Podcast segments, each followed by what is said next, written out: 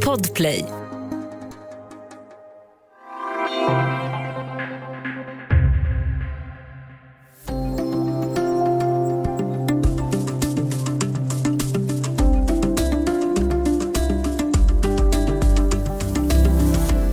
Risken är väldigt stor för att Sverige ska få en tredje våg av covid-19 efter att de nya varianterna har börjat spridas. Det säger Folkhälsomyndigheten. Men hur allvarligt kan det bli? Kan immunitet och vaccinationer hejda spridningen? Det här är Studio DN. Jag heter Aminata Grutt.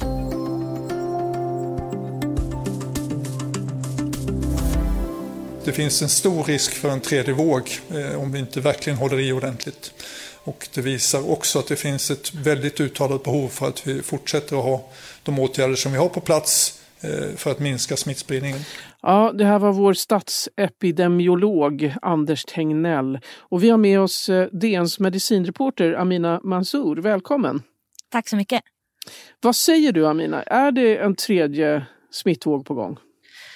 Ja, det vet vi ju inte riktigt än. Vi har ju haft en minskning efter jul och nyårshelgerna, eh, men den verkar ha stannat av nu. Så då, då är det, det, det, finns en väldigt stor risk för att vi har fortfarande ganska mycket smitta. Så det viktiga är att vi, vi måste fortsätta hålla i med alla våra åtgärder. Kanske om den går upp igen, ja, men då behöver vi ha fler åtgärder. Så att det, det är ganska många parametrar nu som är lite osäkra. Vad är det för varianter av viruset som sprids mest just nu? Alltså, det, vi har ju den vanliga varianten, det är väl den som fortfarande dominerar. Men sen så verkar den brittiska varianten öka och den, har ju en mer, den är ju mer smittsam enligt eh, vad, vi ska, vad vi vet nu. Och den kommer ju antagligen ta, ta över successivt då. Eh, och den verkar ha ökat de senaste veckorna. Jag har inte sett de senaste siffrorna här, men eftersom den ökar varje vecka så ja, det, det, det låter ju som att den kommer ta över. Mm. Kan man säga någonting om i vilka grupper som smittan sprids mest i just nu? Det har inte jag sett någonting om. Eh, jag såg, senast jag såg var att den, det ser ungefär ut som det har gjort oftast, att gruppen 20 till 49 är där det mest smittan sprids mest. Eh, och det har ju varit så under stora delar av pandemin. Eh, det viktiga är väl i alla fall att den inte sprids, sprids mycket i gruppen över 70, för det är de som har störst risk. Eh, men, men det vet vi inte riktigt än. Hur påverkas eh, smittspridningen av att vi har hunnit vaccinera en del personer nu? Jag skulle säga inte särskilt mycket för att dels så är det ju bara några procent, ungefär kanske 3 procent av befolkningen som är vaccinerad och det är ju också de som är de äldsta, de som bor på äldreboenden eh, och kanske några personer då i sjukvården. Men, men de människorna är ju inte de som driver på smittspridningen i samhället. Så att, så att den, det kommer behövas många, många fler som vaccineras för att det ska, vi ska se en stor skillnad i smittspridning. Däremot så att man vaccinerar de här äldre och sköra först. Det betyder ju att dödsfallen kommer minska för de är väldigt sårbara eh, för det här viruset. Mm. Men finns det några andra faktorer då som kan spela in eller har risken ökat att vi som inte har haft corona eh, kan komma att bli sjuka i covid-19 innan vi hinner få något vaccin? Jag skulle säga att det finns ju en immunitet i befolkningen. Eh, sen hur stor den är, det vet vi inte riktigt. För det, de antikroppsstudier som har gjorts har ju alltid varit lite svåra eh, att fånga det här, hur stor immuniteten är. Men ju högre immunitet, desto mer bromsar smittan. Så kan man säga generellt. Men vi har ju antagligen inte nått upp till någon nivå av flockimmunitet, så kan vi ju säga. Men däremot kan det ju vara i vissa grupper som immuniteten är högre och därför smittspridningen av, alltså den kanske inte stannar helt men den kanske bromsas upp lite. Sen så kan man ju säga att eh, om vi det är ju en faktor. Eh, sen så är det ju att vi är ju fortfarande, det här viruset oavsett vilken variant, det påverkas ju av hur vi beter oss. Så stannar vi hemma, är vi hemma om vi är sjuka, försöker undvika sammanhang, nya sociala sammanhang, kanske bara går och handlar när man måste, när det inte är så mycket folk och undviker trängsel, ja, då, då kan vi ju också minska risken för oss själva. Så att det gäller ju att fortsätta hålla ut i de här rätt tråkiga rekommendationerna som man börjar tröttna på nu i alla fall. Mm. Alltså, finns det fler faktorer då, till exempel eh, vädret och Eh, säsongen. Vi närmar oss våren i alla fall.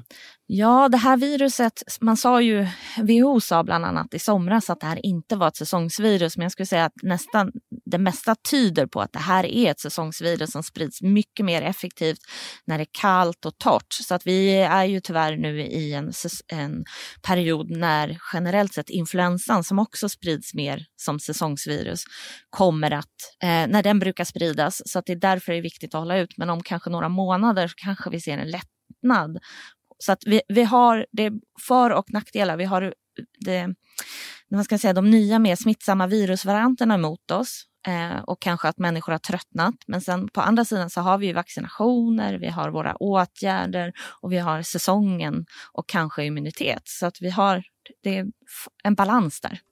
Mm. Ja, vi ska prata mer alldeles strax om vad som har kommit fram om coronavirusets ursprung och vilka nya åtgärder mot smittspridning som regeringen har kommit med. Vi är strax tillbaka.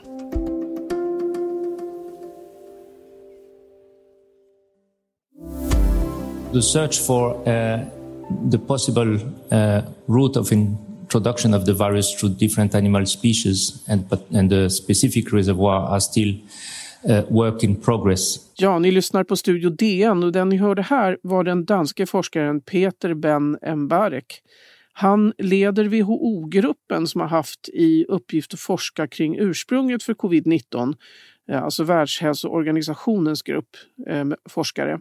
Och som ni hörde honom säga här så pågår det arbetet fortfarande. Amina Mansour, DNs medicinreporter, har det kommit fram några nya uppgifter här kring källan till viruset? Ja, nu idag, den här dagen när vi spelar in det, så hade WHO en presskonferens, den här expertgruppen. Och det man kom fram till där är att eh, man, man, den mest troliga förklaringen är att eh, fladdermus eh, möss har smittat något annat djur som sen har smittat en människa. Men man vet inte vilket värddjur det är, det som kallas. För sars eh, var det troligtvis mårddjur. Eh, för mers, som också är ett annat coronavirus, så var det dromedarer.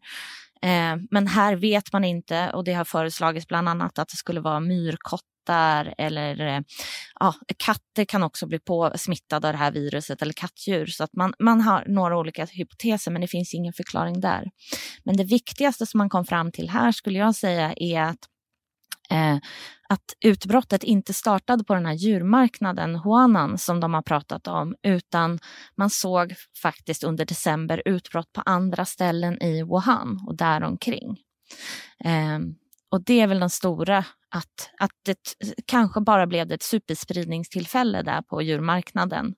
Det är flera personer av de tidiga patienterna som inte hade koppling till just djurmarknaden eller andra djurmarknader för den delen. Så att eh, fortfarande så vet man inte jättemycket men man har tagit ett litet kliv framåt.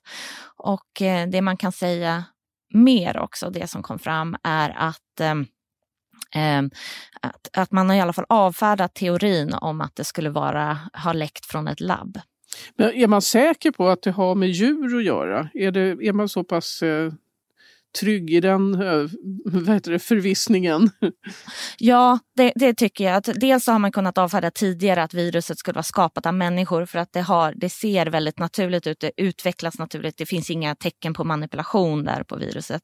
Eh, det har man kollat på virusets arvsmassa. Och sen så kan man också vara säker på att eh, man har hittat eh, en, ett virus som är väldigt likt hos fladdermöss. Men det mest troliga är inte att det har gått från fladdermus till människa, i alla fall i Wuhan, för det är, de, det är inte nära fladdermusgrottor. Så att jag tycker ändå att det ska man kunna säga. Mm. Ja, och eh, också idag när vi spelar in det här så har regeringen kommit med nya begränsningar med utgångspunkt från pandemilagen. För långa resor över 15 mil med tåg eller buss så gäller från 14 februari till 31 maj i år att antalet passagerare inte får överstiga hälften av den sittande kapaciteten. Eh, lite krångligt, men har man bokat innan så får man resa som planerat. Det var lite överraskande kanske. För många har väl redan planerat sportlovsresor. Hur ska de tänka nu, Amina?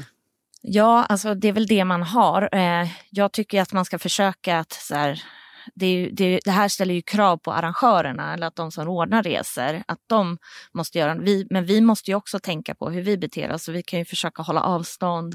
Eh, att man liksom, är det rusningstrafik eller går det inte att hålla Eh, verkligen att hålla avstånd, men då rekommenderas ju munskydd i vissa tidpunkter. Eh, men, men också att just den här, tycker man att det är för trångt, ja, men man kanske ska eh, försöka umgås med bara de man känner. Alltså att hela den här håll avstånd, försök och det är ju svårt när man sitter på, ett, på en buss till exempel och det är väl därför man, eh, alltså där man vill ha de här reglerna då för att det inte ska bli trångt. Vad behöver vi göra mer då? Kan det komma fler sådana här beslut om begränsningar om vi inte sköter oss? Det tror jag och det har ju de också sagt att eh, liksom, de är beredda att ta fler beslut och det beror ju lite på vad, vad man ser som är mest effektivt för att eh, det går ju inte riktigt alltid att begränsa all rörlighet i samhället utan var och all eh, rörlighet i samhället kan man inte säga inte, står inte för lika stor smittspridning. Men har vi mycket smitta, ja men då kan även små effekter har betydelse för att det kan betyda att vi får ner smittan på många olika sätt istället. Så att jag skulle säga att vi alla andra, så länge vi bara kan, håller, fortsätter hålla i de här åtgärderna så att vi kanske inte behöver fler begränsningar. Finns det något annat vi kan göra? Går det till exempel att öka takten i vaccineringarna? Ja, alltså det är ju lite sådär beroende på hur pass bra eh, organis eh, det är organiserat i regionen och det verkar finnas en hel del bekymmer där, att de inte har bestämt hur de ska göra och så. Det var ju i början också att man sparade en del vaccindoser och jag hoppas att man verkligen inte gör det, för det är en rekommendation att man inte ska göra det. Att man bara vaccinerar så fort som möjligt nu. Och nu ökar ju också vaccindoserna, leveranserna till Sverige eh, varje vecka. Så att under januari var det inte så himla många, men under februari och mars blir det markant många fler. Så att förhoppningsvis ska vi få liksom tempo på det här nu. Mm. Ja, vi har frågat det förr här i podden, men vi gör det igen. När är det här egentligen över? Åh, det, det är en sån himla bra fråga. Jag skulle säga att alltså till sommaren kommer vi ha det mycket lätt lättare tror jag i alla fall, för då är dels säsongen gör att det här viruset inte sprids förhoppningsvis lika lätt. Det beror ju lite på de nya virusvarianterna, hur de tar över. Men då är också förhoppningsvis en del av befolkningen vaccinerad. Och vi som inte ingår i riskgrupper, ja, vi kanske har fått vår första dos i bästa fall eller så kommer det erbjudas däromkring. Så sommaren kommer nog bli lättare.